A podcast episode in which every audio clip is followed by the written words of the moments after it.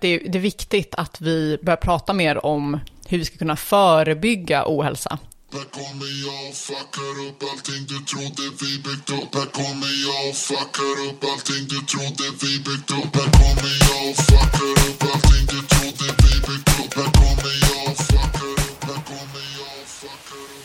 Hej och välkomna till ännu ett härligt avsnitt av podcasten Om och Men, där vi reder ut det ni tycker är krångligt och krånglar till det ni trodde redan var utrett. Den här veckan har vi med oss en gäst.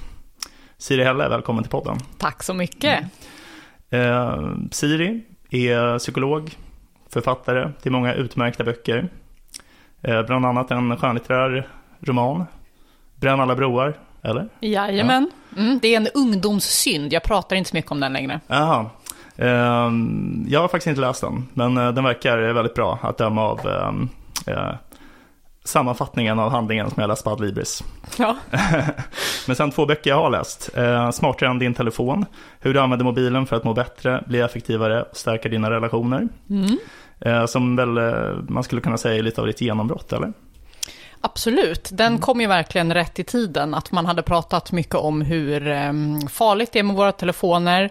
Men den försöker ge en mer balanserad bild. Att det är klart att tekniken kan ställa till det för oss, men också ge många möjligheter. Det är ett verktyg och det handlar om hur vi använder den. Ja. Men tyvärr kommer den inte med någon manual, den här smarta telefonen. Så jag försöker ge den i boken. Ja, helt rimligt. Men sen också eh, Känslofällan som kom ut förra året. Eh, ta makten över dina tankar, känslor och ditt beteende. Eh, en utmärkt bok som eh, B och jag har gjort ett eh, tidigare avsnitt om för eh, några månader sedan. Väldigt spännande bok. Ja, det var egentligen så konstigt då, för att jag har ju jobbat som psykolog inom vården och så frågade jag mig själv, varför är det ingen som bara har plockat det bästa från KBT-behandlingarna om stress, eh, nedstämdhet, hur man hanterar oro och bara gjort ett, liksom en manual för det. Mm. Så det var det jag gjorde. Och eh, det verkar som att det är många som har saknat den manualen också. Så. De kanske försökte men de var bara sämre. Eh, lite best of lärdomar från eh, psykologin. Exakt. Ja, nej men jag tänker, du har ju eh, börjat med en ny kampanj här, Psykisk ohälsa på schemat, som vi ska prata lite om. Eller hur? Mm. Psykisk hälsa på schemat, vi är väldigt noga på den punkten. Ja, Mm. Men det ska vi prata mer om. Ja, det är bra. Men jag tänker först att, vi kan, eh, att du kan berätta lite mer om dig själv bara. Det, det kanske inte alla lyssnare som känner till dig. Eh, Så jag tänker, det mesta du håller på med handlar ju ändå om med psykisk hälsa och ohälsa och så. Eh, Så jag undrar lite, har du alltid vetat att det var det du ville hålla på med? Jag började ju jobba som psykolog i vården och jobbade ja, med behandling av depression och ångestsyndrom inom psykiatrin. Eh, Men det jag hela tiden fick höra var varför har inte jag fått lära mig det här tidigare? Då hade inte jag behövt sitta här om jag fått lära mig det för tio år sedan. Så nu jobbar jag med att sprida psykologi på olika sätt. Och min vision är väl att vi ska bygga ett samhälle som istället då för att göra människor sjuka, gör att vi blir den bästa versionen av oss själva. Mm. Och mår bra och kan prestera. Mm. Så jag jobbar som eh, föreläsare, författare, eh, debattör, har blivit mycket nu på sistone. Mm. Eh, På olika sätt försöker sprida psykologi. Jag är också faktagranskare på 1177 Vårdguiden. Ja, intressant. Mm. Och det är samma sak där, att eh, varför ska man eh, liksom, ja, försöka komma in sent och lära människor den här kunskapen, kanske kanske när de redan mår dåligt. Jag tänker att ju tidigare man kan komma in, desto bättre. Och om någon då googlar på sig, jag känner mig orolig, så vill man att de ska få bra råd redan då, eller kanske när de har haft sin första panikattack. Just det. Så att det inte Mm. behöver gå så långt att det blir återkommande attacker och att man börjar undvika att gå ut och, och sen behöver söka vård då för Mm. paniksyndrom. Det blir liksom lite mer effektivt med en tidig insats då än att vänta tills det blir riktigt illa och ta tag i det först då. Ja, Som man- Mm. precis. Okej, intressant. Så du, du har ändå jobbat kliniskt då tidigare och att du känner, eller jag förstår det som att liksom det du håller på med nu med opinionsbildning och kommunikation, att det är lite samma syfte ändå som att jobba kliniskt, men att det kanske är lite mer effektivt. Precis, att, att hjälpa människor i ett så tidigt skede som möjligt. Och så det kan man göra verkligen högt och lågt. Jag har ju också ett inslag nu på T4 Nyhetsmorgon som heter Känsloskolan. Och då är det ju verkligen sådär, så här, fem snabba tips för hur du hanterar ilska, hur du hanterar självmedkänsla. Ah, Och det är också, Jag tänker att det är viktigt just att, att skapa ett eh, paradigm hur vi ser på psykisk hälsa, hur vi ser på känslohantering. Så, att- så att ja, vi, vi alla kan, kan jobba med det här hela tiden. Ja, precis. Att man ser på det på någonting som, som någonting som man kan lösa själv. Mm. Inte som något man bara måste acceptera. Nej, Så, precis. Ja. Okej. Men, jag- men jag tänker det ändå, alltså så här, om du, du har gått en lång utbildning och lärt dig jobba kliniskt sådär och sen eh, det du håller på med nu har eh, ändå inte jättemycket med det att göra. Alltså, eh, hur, hur var det att byta liksom? Från den här sjukhusmiljön till liksom, kommunikationsjobb eller liksom, opinionsbildning mer? Ja, eh, det är ju väldigt tufft och, eh, att jobba i vården. Det vet ju du säkert lika väl som jag. Nej, men att man, eh, jag jobbade i primärvården ett tag också och då kunde man ju ha liksom, tio patienter om dagen. Ja, och så hade man, du vet, ja nu har jag fem minuter att journalföra och kanske hinna gå på toa. Mm. Eh, så att jag är väldigt glad att liksom, inte längre behöva jobba i en bransch där man är eh, glad att man får en kanellängd var tredje vecka på APT. Ja, Jag känner mig väldigt träffad. Men... ja. Eh, men som sagt, jag tänker att det, det är viktigt att vi börjar prata mer om hur vi ska kunna förebygga ohälsa. Men du pratar om det här med eh, psykisk ohälsa på schemat och det blir ju ofta att vi pratar just om ja, men till exempel unga psykiska ohälsa. Mm. För att vi är vana vid att vi sätter inte in insatser förrän det är för sent. Just det. Eller för människor, ja, vi tänker då att det här är någon som behöver hjälp. Mm. Eh, Men vi har ju gjort en rörelse vad gäller fysisk hälsa. Att, jag menar, när läkarvetenskapen kom och sådär, då, då handlar det ju väldigt mycket om hur man ska förstå och bota sjukdomar. Mm. Mm. Men sen så kommer ju någon på, men vänta det här med folkhälsa, vi kanske ska börja försöka förebygga ohälsa. Vad kan vi göra för rökning? Vad kan vi göra för att människor ska motionera? Mm. Och vi håller på att göra den transitionen nu också med psykisk hälsa. Mm. Att vi har gått från att ja, bara prata psykiatriska tillstånd. Ja, men intressant. Också. För jag, tycker, jag jobbar ju själv inom psykiatrin eh, nu och där håller vi på mycket med det här som kallas för psykoedukation. Då, att man ska, ja du vet vad det är, men alla lys- lyssnare kanske inte vet vad det är. Att man ska liksom lära patienterna eh, ja, men leva ett mer eh, hållbart liv, vad man ska säga. Ta, ta, itu med sina problem på egen hand. Eh, men de patienterna jag träffar har ju som du säger, det, har gått lite för långt för dem får jag en känsla av. Alltså, så här, det, visst, ibland har de nytta av det. Men det är inte alla gånger det känns som att man kan göra så mycket på den vägen. Har åtminstone jag fått intryck av. Så att, eh, jag tycker det låter väldigt bra att man börjar tidigt. Ja, men det är klart, om du säger till någon som är kliniskt deprimerad Mm. att det handlar om att du behöver boka in mer glädjeämnen i vardagen. Ja, Då säger de bara så här, dude, jag orkar inte kliva upp ur sängen. Mm. Liksom. Eh, medan däremot ger man det till någon som har börjat känna sig nere. Då är de så här, jaha, då liksom, ja, men kanske fortfarande har kvar ett socialt nätverk eller eh, liksom kan be om nya arbetsuppgifter eller sådär. Så att det blir mer eh, belönande att stiga upp på morgonen. Vilket kan vara svårt om man har gått väldigt länge, kanske tio år, mm. och mått dåligt. ja. Får jag ställa en dum fråga till er båda? Vad, alltså så här, psykiatri versus eh, psykologi, eller psykolog versus psykiatriker. Vad, hur, hur olika jobbar man? Ehm, Så att psykiatri, det handlar ju om hur man behandlar psykiska sjukdomar. Och psykologi är på något sätt bredare, det handlar ju om hur vi människor funkar, vårt inre liv. Och sen eh, en psykiater, det är en läkare som har specialiserat sig inom eh, psykiatriska tillstånd. Och psykologer kan jobba inom psykiatrin med psykologisk behandling. Men kan också jobba på alla möjliga ställen, kan jobba i skolan eller eh, på arbetsplatser eller sådär. Mycket bra. Pedagogiskt svar. Tack. Continue. ehm, men, men du kanske vill berätta lite om den här nya kampanjen, tänker jag. Jag tycker den låter väldigt fascinerande.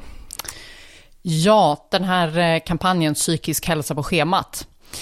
Det handlar ju om att precis på samma sätt som man får lära sig om fysisk och sexuell hälsa i skolan så borde man ju få lära sig om sin psykiska hälsa. Och eh, egentligen är det ganska grundläggande kunskap vi pratar om. Till exempel faktorer som påverkar ens mående, det här med sömn och motion, relationer, hur man hanterar sociala medier. Men också grundläggande färdigheter, till exempel eh, stresshantering, eh, konfliktlösning. Sånt som man har sett i forskning gör att man ja, men kan förebygga psykiska besvär. Och också då, om man mår dåligt, vad, vad gör man då? Hur kan man söka hjälp? Och eh, det här är någonting som vi redan har i, eh, liksom, i många länder. Så Finland har haft eh, psykisk hälsa som en del av hälsoundervisningen sedan 2004. Ja. Eh, man har satsat i Norge och Danmark bara de senaste åren och det finns liksom England, Nya Zeeland. Alltså, så att, ja, det är någonting som görs. Men här i Sverige så har man sett, Skolinspektionen har granskat och, och sett att tyvärr så finns det stora brister. De flesta barn i Sverige får inte lära sig om psykisk hälsa. Eller så kanske man får lära sig om någon enstaka aspekt. Till exempel eh, ja, men sömn. Mm. Eller att man har en temadag som handlar om självkänsla. Men man missar den här helheten. Mm. Och det är ett problem. Så därför eh, har jag gått samman med eh, olika ideella organisationer som eh, BRIS, Tim Berling Foundation, Mind, Unicef Sverige för att driva den här frågan politiskt. Så vi har skrivit debattartikel i Aftonbladet, eh, släppt en rapport och eh, har nu en namninsamling riktad till skolministern. Mhm. För att eh, vi vill sätta psykisk hälsa på schemat. Ja, intressant. Väldigt intressant. Hur, av alla de här olika sätten som man har gjort det på, alltså du nämner Finland och Norge och sådär. Hur vill du se det? Har du någon specifik så här, det här verkar vara det bästa sättet att göra det på? Mm, det finns mycket forskning gjort på det här, så att det finns färdiga program med bevisad effekt. Och det ser ju olika ut beroende på vilken ålder det handlar om. För eh, små barn, eh, så här förskoleklass, lågstadium, då handlar det mer om att lära sig eh, eh förstå känslor, sätta ord på dem. Eh, så här, ah, nu, nu är jag arg. Vad gör man när man är arg? Man, man slår inte någon, utan hur kan man hantera ilska? Hur kan man hantera när man är eh, rädd eller nervös och sådär? Och sen i äldre åldrar så kanske det handlar mer om sån färdighetsträning, som hur hanterar man motivation till studier? Hur hanterar man när man känner sig nere? Och det har man sett att inte bara gör det att eleverna mår bättre, utan också klarar skolan bättre.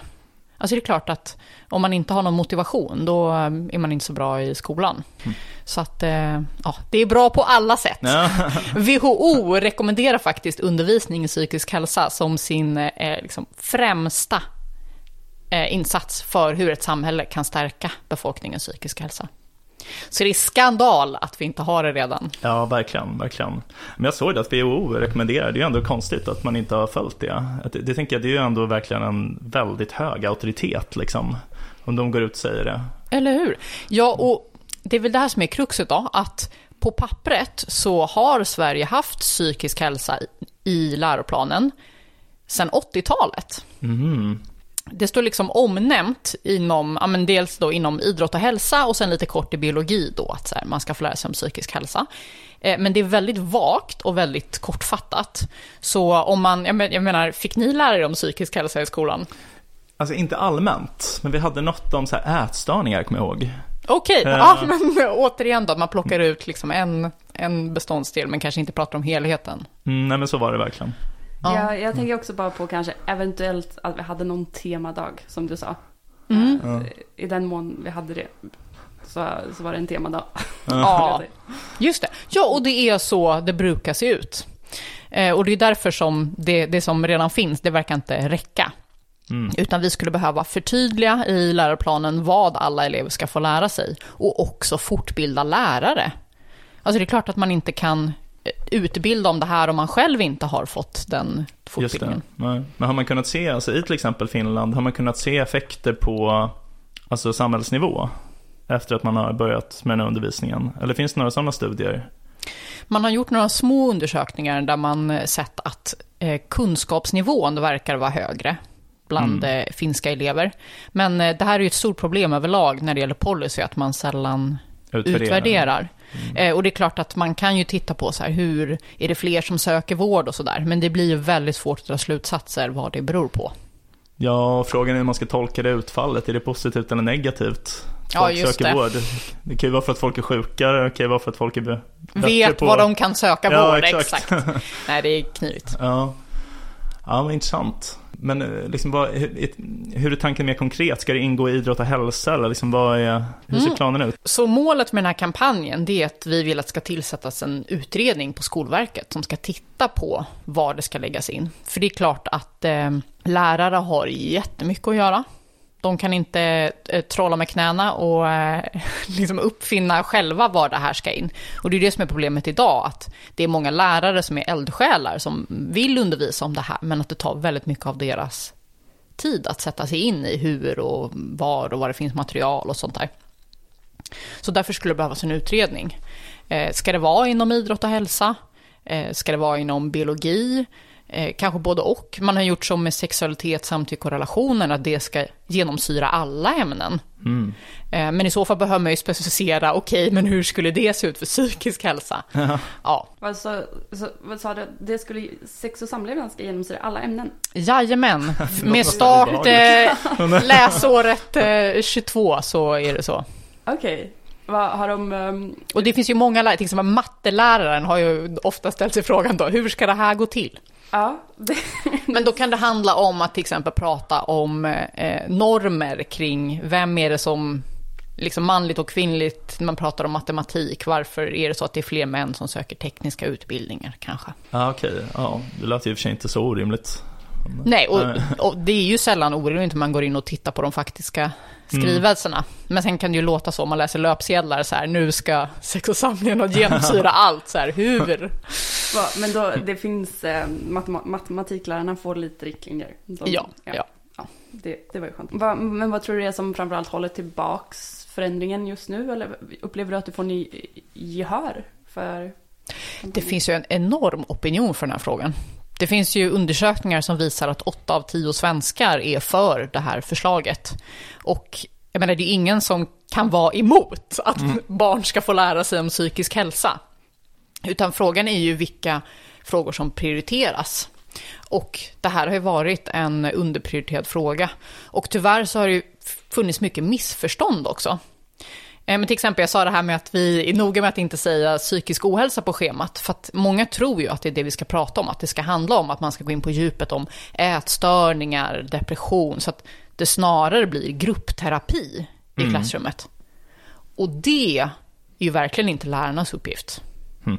Det handlar ju om vården eller kanske elevhälsan. Utan vi pratar ju verkligen om grundläggande kunskaper. Men sen finns det ju också en, men stigmatisering kring psykisk ohälsa. Just den här upplevelsen av att det är svårt, det är lite konstigt, att det kan vara farligt till och med att prata om psykisk ohälsa. Eh, det finns ju fortfarande vissa som har den uppfattningen om att då kommer bara unga att må sämre om de får ord på det här. Och så är det ju verkligen inte. Det visar ju forskningen. Tvärtom, om elever lär sig om det här så tenderar de att må bättre.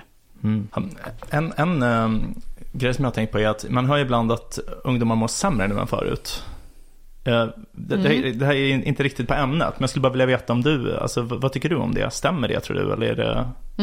Så vad man har sett i, det är ju att när man pratar om det här psykisk ohälsa ökar bland unga, det man ofta refererar till, det är den här mätningen skolbarns hälsovanor av Folkhälsomyndigheten, som har gjorts sedan 80-talet.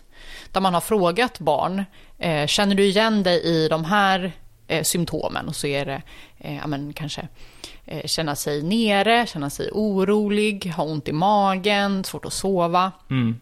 Och då har man sett att sen 80-talet så är det dubbelt så många unga som upplever återkommande besvär. Mm. Mm. Så där har det skett en ökning. Och man vet inte riktigt vad den beror på. Så man har analyserat och försökt förstå. Och det verkar som att det finns en koppling till hur skolan funkar. Skolan har ju genomgått väldigt stora förändringar sen där eh, ja, men 90-talet. Det har blivit eh, svårare för elever att klara skolan. Samtidigt som pressen på arbetsmarknaden ökar och unga upplever ju att det är viktigt att få bra betyg för att annars kommer jag inte lyckas i livet. Just det. Så det verkar som att ökad skolstress är en viktig faktor. Eh, Men sen finns det ju också andra hypoteser, att det beror på sociala medier, att det beror på att unga använder de här orden för att beskriva Mm. besvär. Ja, så att det är ingen som riktigt vet, men det är det Men det låter, best ändå, guess idag. det, det låter ändå som man har skäl att tro det, att det är sant. Att det inte bara är något fel, fel värde liksom. Nej, en fördubbling, det är ju markant. Verkligen, verkligen. Mm. Sen verkar det ju inte som att, eh, om man tittar då på hur många som eh, ja, mår dåligt, eller i yttersta fall då till och med tar, tar sina liv. Mm. Där har man sett att det minskar ju för hela befolkningen, att det är färre som begår självmord, utom just i åldersgruppen Mm. unga. Där det ligger kvar på samma nivå eller till och med sker en liten ökning årligen. Mm. Vilka ingår i åldersgruppen unga? Nej, det finns ju då för alla ja, under liksom 29 år och yngre. Okej. Mm. Vad... Bea pustar ut, hon Nej. tillhör gruppen unga. det är på sis- sista året som ung. Eh, Men ser du några så här um, viktiga avvägningar som man behöver göra om man får in det här på schemat? Är det någonting annat som konkurreras ut från kursplanen? Är det, kommer syslöjden att ryka? Liksom? Eh, ja, men det är ju verkligen 10 000 kronors frågan varje gång någonting ska in på schemat. Och eh, det är ju därför det är viktigt just att göra en sån utredning för att titta på. Alltså det är klart att om ni frågar mig eh, så är det här så viktigt så att, jag vet inte, ta bort bergarterna eller liksom. Bergarten? Jag har ju till kärnuppgifterna. Nej men, eh, ja. Eh, det är klart att när man tar in någonting nytt så kanske man behöver plocka bort något eller flytta om någonting eller så. Men jag menar den frågan, när vi införde sexualundervisning på eh, liksom 50-talet, då var det säkert folk som blev upprörda för att man tog Mm. bort, jag vet inte, Ja, nej. latin, jag vet inte. Jag tycker absolut vi kan ta bort syslöjd. ja, Ja. jag tycker också det faktiskt. Jag var den första i min grundskolas historia som eh, fick IG-varning i syslöjd. Så jag var tvungen att gå på extra syslöjd. Och det var bara jag och sen var det fyra tjejer som var så här jätteintresserade av eh, design. Så att det var liksom jag som inte kunde använda händerna på något sätt för jag hade så dålig motorik. Och sen liksom fyra så här riktiga proffs liksom. Mm, Ja, tur väldigt- att det blev psykiatri och inte kirurgi då. Ja, nej men verkligen. Ja men min, min motorik har ändå återhämtat sig lite sen dess. Ja. Syslöjd och hemkunskap, Mm. det var mina två sämsta ämnen. Segt, hemkunskap är ändå viktigt tänker jag. Ja, men jag Laga mat. bra. Ja. Va, men ehm, vilka, vad, vad skulle man, eh, vad ser man för konsekvenser av, eller vilka konsekvenser tror du man skulle se i samhället om folk var bättre eh, utbildade kring psykisk hälsa? Men generellt så ser man ju att när människor får lära sig hur de ska ta hand om sig själva så förebygger det hälsoproblem. Att när människor får lära sig om sexuell och reproduktiv hälsa så minskar eh, oönskade graviditeter och könssjukdomar. Och på samma sätt så ser man ju ja, men att psykiska besvär kan minska när man får lära sig hur man ska ta hand om sitt mående. Och också då om man behöver hjälp, att man söker det så tidigt som möjligt för att det är Mm. hjälpsamt. Och man ser också att det är otroligt kostnadseffektivt. Herregud. Det är ju så mycket billigare att ge människor information än vård. Så man får ju tillbaka investeringen flera gånger om. Och det är ju, sen är det ju också, nu pratar vi om liksom på samhällsnivå, men om man går till sig själv bara. Alltså det här handlar ju om verktyg att må bra, att hantera sina relationer, att uppnå sina mål, att kunna fokusera och plugga och jobba. Alltså wow, tänk om man hade med sig från ung ålder hur man ska navigera allt det här som pågår inuti. Verkligen. Tänk vad man hade kunnat uträtta här i världen. Ja, nej men jag tänker bara, om jag bara går till mig själv. Ehm, när jag var i tonåren så hade jag väldigt mycket ångest, men jag hade inget ord för det. Utan jag var bara så här, det är någonting som inte står rätt till här. Jag kallade det liksom för obehaget. Nu är det där obehaget där igen. Tänk om jag hade bara kunnat säga det är ångest och så hade jag kunnat googla det. och förhoppningsvis få lite hjälp. Ja men verkligen. Vad, ha- hade du, vad var liksom när du började plugga psykologi? Vad, vilka lifehacks tog du med dig? Eller vilka så här lärdomar var de som, eh, som hjälpte dig mest? Gud, det är så mycket. Det mesta finns ju sammanfattat där i känslofällan. Ehm, jag tror nog att det som jag haft störst nytta av, det är det här med eh, exponering. När man tycker att någonting är obehagligt, eh, ångestfyllt, man är nervös inför det, men man vet med sig, det här är egentligen inte farligt. Det kanske tvärtom är jättebra för mig att kunna prata i telefon, bjuda ut någon på dejt, föreläsa och att rent intellektuellt förstå att det är jobbigt nu, men gör jag det här och gör det några gånger till så kommer det sluta vara jobbigt. Men hur mycket ska man pressa sig då? Om man tänker så här explore, exploit eh, grejen. jag, tycker, jag brukar alltid hamna på en övervikt explore. Ja. Och så blir man helt mm, och till slut så blir man helt matt liksom. Ja, har du någon så här tumregel? Ja, men då bör vi komma in kanske mer på stresskapitlet. att eh, det är ju viktigt eh, både då att kunna göra det här, att ha det verktyget om man vill liksom pressa sig själv, pusha sig själv, men också att ha tid för återhämtning regelbundet. Så att man inte pushar sig själv jämt och ständigt, för då kan man ju trilla över åt andra hållet och bli sjuk av stress. Du, du pratade ju om till exempel att du när du skrev boken tänkte att varför har ingen annan skrivit den här boken innan? Lite så. Och om man tänker på all den här kunskapen som finns kring det här som är liksom, det finns vetenskaplig evidens och så för psykologiska interventioner och sånt som hjälper, eller bara förebyggande. Eh, varför ser vi inte mer av det i samhället? Överlag så är ju vi människor väldigt kortsiktiga. Vi styrs ju mer av kortsiktiga, omedelbara konsekvenser än det långsiktiga. Och eh, alla incitament i samhället gör ju att vi fokuserar mycket mer på att släcka bränder än att förebygga, att främja. Och så som sagt, vi har ju sett det verkligen vad gäller fysisk hälsa. Eh, vi ser det vad gäller psykisk hälsa och sen så såklart en massa andra samhällsproblem också. Men bara klimatkrisen, att vi ser att vi människor är så kortsiktiga. Men det finns ju verkligen sån potential i det här. Alltså, man har ju börjat prata mer om det just, att hur man kan bygga hälsofrämjande samhällen, bygga miljöer där det inte handlar om hur vi som individer ska navigera, att vi ska få rätt verktyg, utan att miljöerna faktiskt ska hjälpa oss att bli den bästa versionen av oss själva. Jag kommer ihåg en sån absurd grej. När jag eh, gick gymnasiet så hade vi en lektion i studieteknik. Och då så visade vår lärare eh, Ebbinghaus glömskekurva för oss. Jag vet inte om ni har sett den? Nej, nej, jag känner inte Nej, bara en sån sak. Eh, men det handlar ju alltså om att om man inte repeterar det man lär sig så kommer man glömma bort 90%. Och det vet man ju, om man läser en bok, man går på en föreläsning så tycker man det är jättespännande och man är inspirerad och sen så glömmer man bort det mesta. Har man tur tar man med sig en grej kanske. Men däremot om man repeterar dagen efter, efter en vecka, en månad, då sitter det ju faktiskt. Och det handlar inte om att man behöver lägga ner så mycket tid på repetition för att man faktiskt ska få igen den tiden. Så. Och så sa vår lärare då att och därför är det så himla viktigt att ni repeterar det ni lär er på lektionerna. Och jag bara tittade mig omkring i klassrummet och bara insåg att jag var den största pluggisen där. Och jag skulle inte lyda det rådet. Eh, Så hur skulle det då gå? Alltså, varför är det inte en del av pedagogiken i skolan att man börjar lektionen med att gå igenom det man fick lära sig förra lektionen? Och ha den här regelbundna repetitionen. För det, det, är ju, alltså det är ju ändå mer så på universitetet, åtminstone vissa utbildningar. På läkarprogrammet har man ju sådär att man gör, alltså det kallas duggor där, alltså en liten tenta och sen gör man tentan och sen kommer det någon liksom sammanfattande tenta för flera kurser och liksom. Och sen gör man AT-tentan som är samma innehåll, så att då måste man hela tiden liksom upprepa. Eh, Men jag har inte, inte riktigt tänkt på det, för att jag hade nog inte heller annars upprepat det tror jag. Nej, precis. Och det är ju klokt att de har lagt in det då i hur programmet är uppbyggt.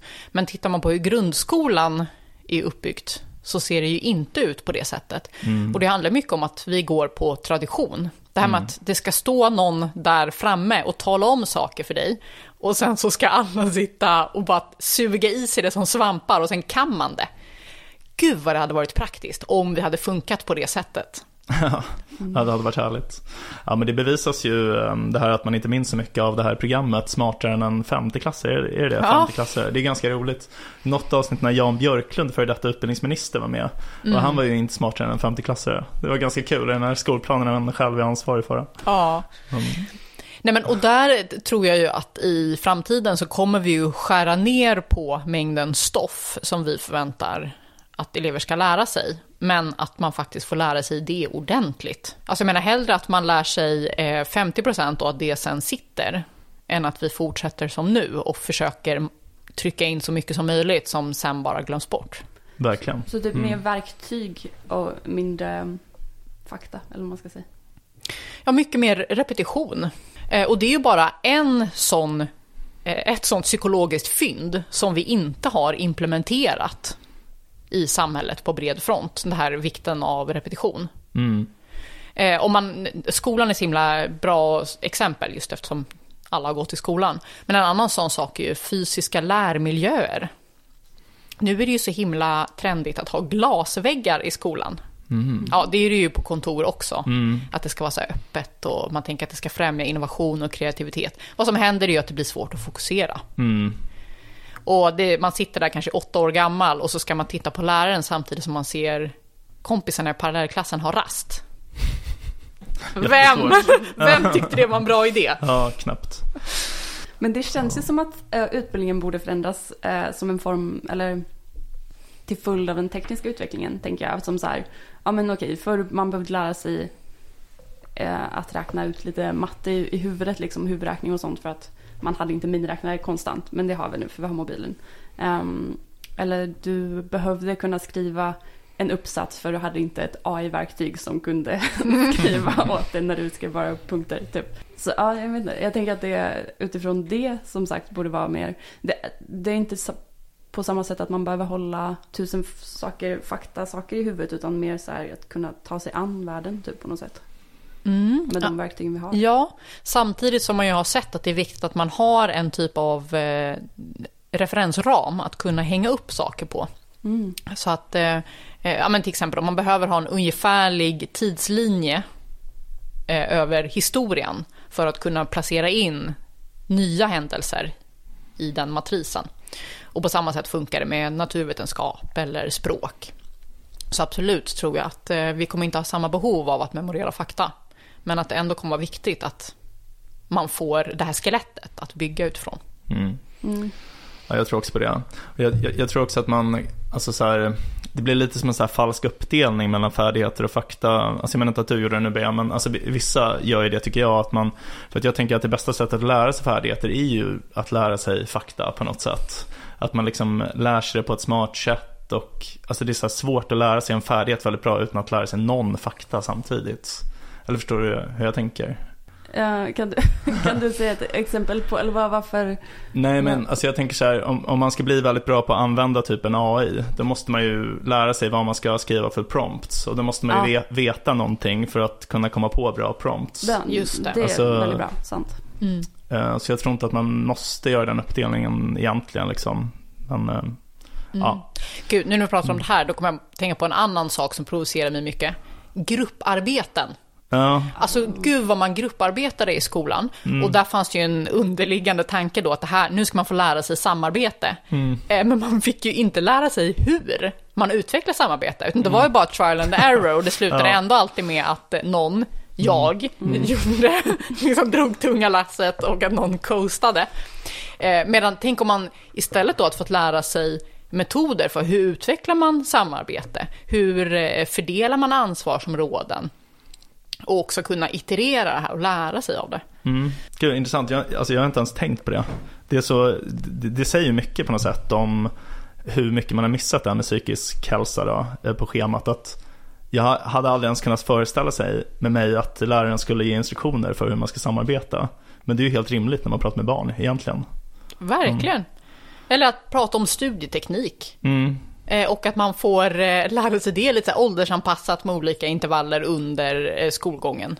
För att det är ju inte heller någonting som man bara kan när man föds. Nej, Och som verkligen. föräldrarna heller inte har fått lära sig, så hur ska de kunna lära ut det hemma? Mm, mm. Men en grej som jag tänkte på, jag gick in på um, eh, den här kampanjens hemsida eh, och läste på lite innan det här avsnittet och där stod det så här att ja, men eh, det här, eh, den här insatsen behövs för att eh, det var någon siffra så här att eh, jag tror det var hälften av 15-åringarna har psykiska besvär.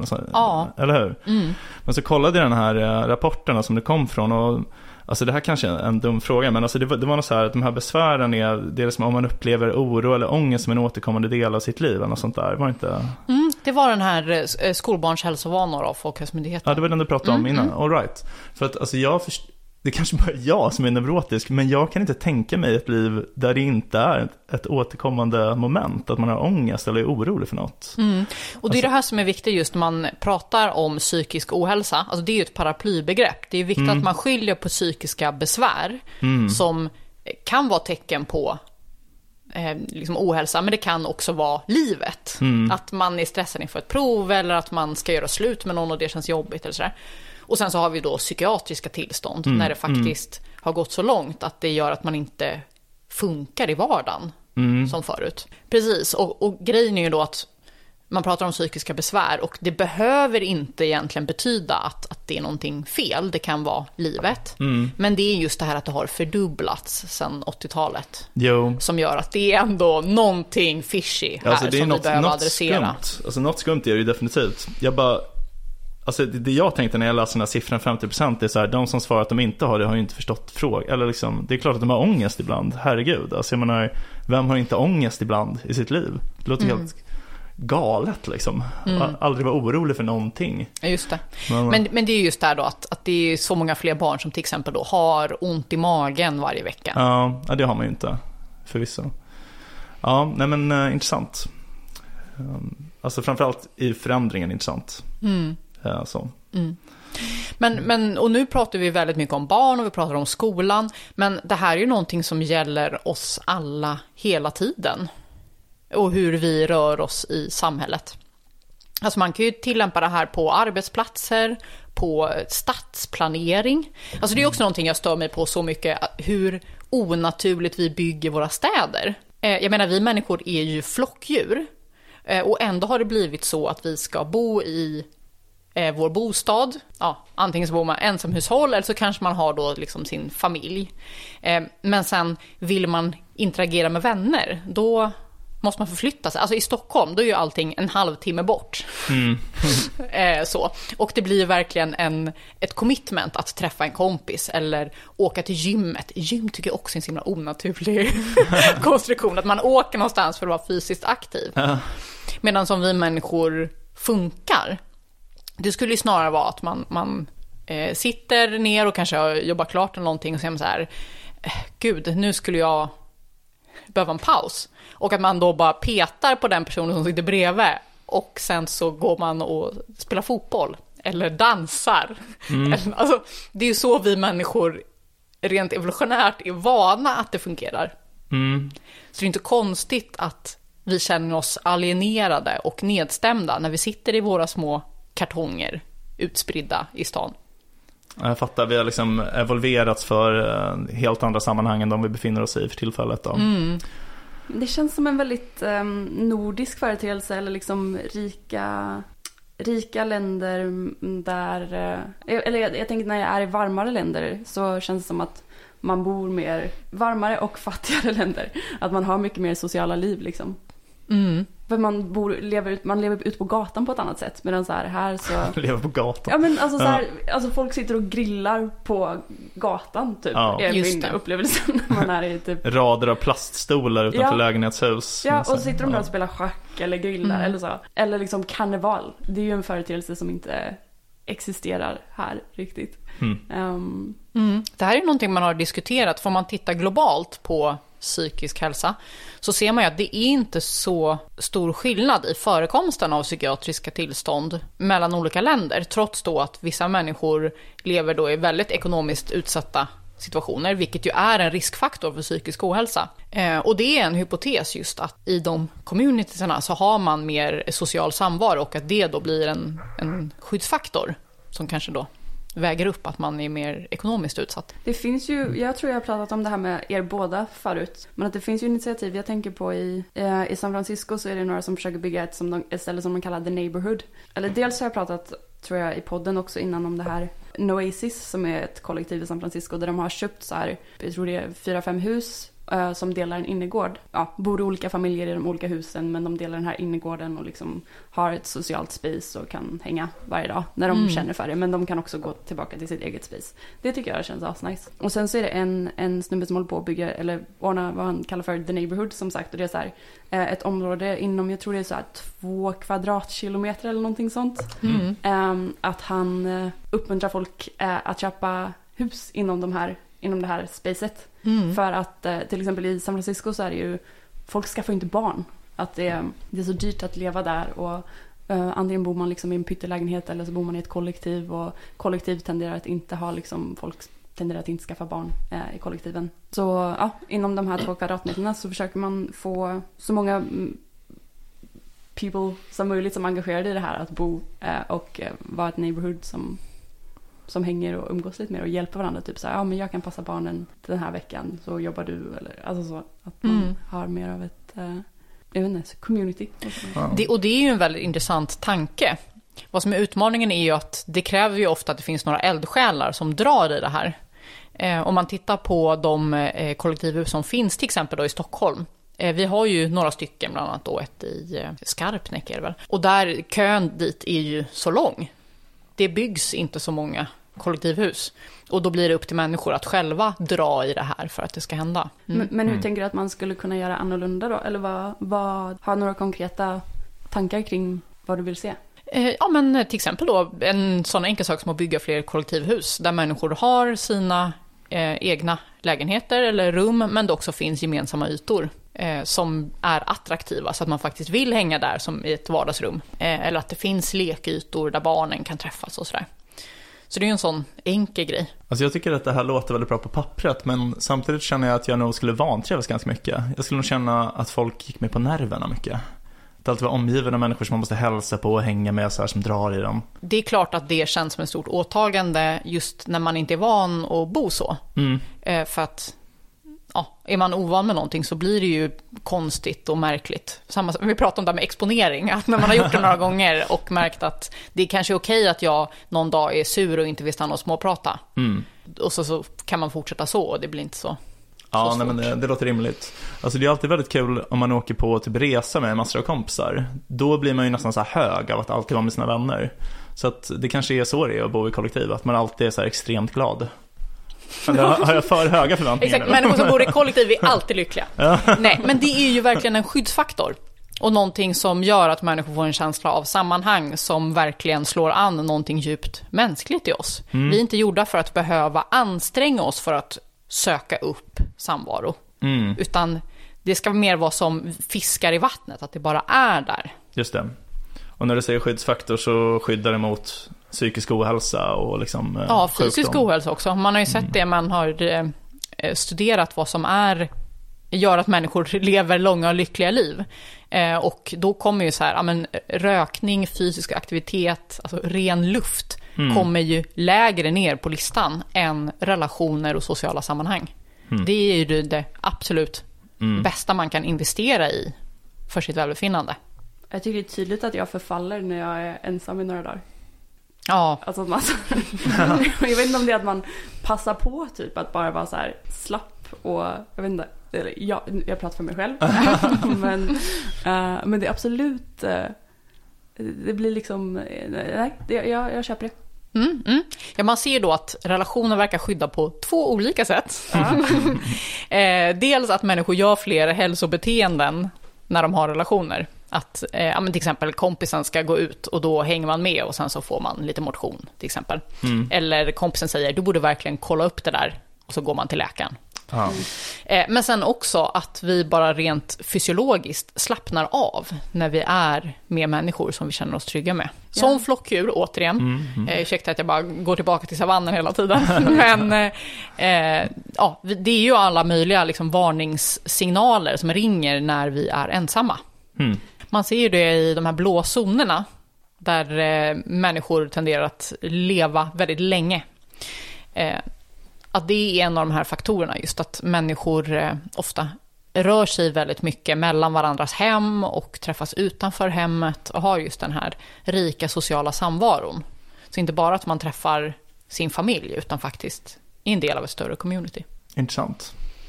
Jag har alltid tänkt att de här blå zonerna, det förbisedda faktorn där är väl ändå genetik. Ja, du Eller? tänker att de är på Sardinien och Okinawa, att de... eh, Ja men det är så här små ö-communities där folk i regel inte lämnar communityt utan lever kvar. Det måste ju spela en jättestor roll tänker jag. Mm, det är Ja. möjligt. Nå- någon måste ju ha forskat på det här. Ja, men säkert. Men jag tycker bara, alltså så här, just det du sa nu med liksom att man har ett community, det låter ju ändå rimligt. Så här, men det, det som ofta lyfts fram i så här tidningar och typ på löpsedlar, det är typ så här, om du äter den här sardiniska osten, då kommer du bli en miljon år gammal för att alla som blir det har ätit den här osten. Just alltså så att man har en jättekonstig slutledning. Ja, det är ju ofta Mm. multifaktoriellt, så att det är ju möjligt att det kombinationen av gener, osten Ja. och samvaron. Ja, så länge osten är med så, så funkar det. Ja, nej men eh, vi hoppas verkligen på att den här kampanjen ska gå igenom. Psykisk hälsa på schemat. Jag tror att det hade varit väldigt bra för mig om jag hade fått den här undervisningen ändå. Jag tycker det känns som att man har lärt sig ganska mycket bara de senaste åren. Liksom, så här, ta hand om sina relationer och sådär. Som ingen har berättat något om. Har ni fått något gehör från politiker liksom? Ehm, vi kampanjar på. Mm. Ehm, jag har ju pratat med olika politiker, men eh, det är ju egentligen bara en person som eh, vi verkligen eh, vill höra något från nu och det är ju skolminister Lotta Edholm. Så att vi fortsätter knacka på hennes dörr och sen så får vi hoppas att hon svarar. Mm. Och eh, jag hoppas att ni båda har skrivit under uppropet på psykiskhälsaposchemat.nu. Annars, gå in och skriv under. Fråga mig igen om en kvart så Ja. kan jag svara rätt. Så, eh, Jag säger samma. Okej, men en eh, sista fråga. Eh, nu släppte du för sig en bok förra året här, men eh, vill du berätta om du jobbar på någonting nytt? Det är något nytt på gång. Det är något nytt på gång. Jag kan inte säga mer än så, men det, det kommer mer från Sidi Helle. Det låter lovande. Eh, Vad, är det någonting mer du vill plugga kanske? Psykisk hälsa på schemat.se. Eh, Jag heter eh, psykolog Siri på Instagram, om ni vill se mina checka självhjälpsråd. Mm. Toppen, men då så med, med de orden så får vi tacka så mycket för att du eh, vill vara med här i eh, podden Om och Men där vi reder ut det ni tycker är krångligt och kanske även passar på och krångla till det ni trodde redan var utrett. Tack Siri Helle! Tack. Och eh, till lyssnarna hoppas att ni eh, lyssnar på nästa avsnitt också. Hej så länge! Hej! Hej! Jag fuckar upp allting du trodde vi byggt upp. Här kommer jag och fuckar upp allting du trodde vi byggt upp. Här kommer jag och fuckar upp allting du trodde vi byggt upp. Här kommer jag och fuckar upp. Här kommer jag och fuckar upp. Vi har en mejladress om och men at gmail.com om och men gmail.com Hör gärna av er om ni har några förslag på ämnen vi kan ta upp i podden eller om ni undrar något. Vi kommer att svara på alla mejl. Tack för att du har lyssnat. Vi hoppas att du vill lyssna även på nästa avsnitt som kommer på måndag.